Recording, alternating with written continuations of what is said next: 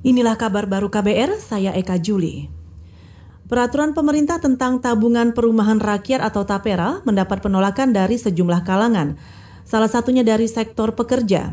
Ketua Federasi Buruh Lintas Pabrik atau FBLP Jumisih beralasan rata-rata gaji buruh masih di bawah kelayakan Menurutnya, kewajiban membayar iuran tapera akan menambah beban buruh. Terkait dengan tapera, posisi kami adalah menolak. Gitu. Kenapa kita menolak? Pertama karena e, sebetulnya upah buruh itu sudah kecil. Kalau misalnya dipotong lagi dengan iuran tapera, yang pasti itu akan mencekik lahir buruh. Gitu. Yang kedua, kenapa juga kita menolak? Karena sebetulnya itu akan menurunkan daya beli buruh. Gitu. Apalagi di tengah situasi sekarang ya, kondisi ekonomi buruh sangat e, di tengah situasi pandemi gitu jadi menjadi tidak efektif.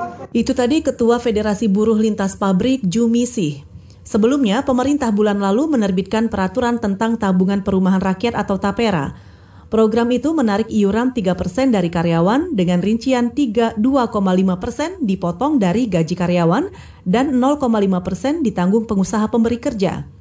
Selain buruh, program ini juga ditolak oleh kalangan pengusaha. Saudara bekas juara dua kelas Conor McGregor kembali mengumumkan pensiun dari UFC kemarin siang. Dikutip dari MMA Fighting, ini adalah kali ketiga McGregor mengumumkan pensiun dari UFC. Kali pertama McGregor mengumumkan pensiun pada April 2016 setelah kalah dari Ned Diaz.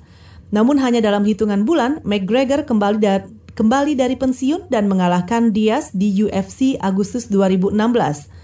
Kali kedua McGregor mengumumkan pensiun pada Maret lalu. Di dua keputusan sebelumnya, ia diklaim hanya menginginkan sesuatu dari UFC. Padahal 2016, McGregor diklaim ingin mendapatkan nilai kontrak lebih tinggi saat melawan Diaz. Sementara tahun lalu dikabarkan McGregor ingin memiliki saham di UFC. Sementara saat ini ia diyakini pensiun karena mendapatkan pertarungan besar di sisa 2020. Saudara demikian kabar baru, saya Eka Juli.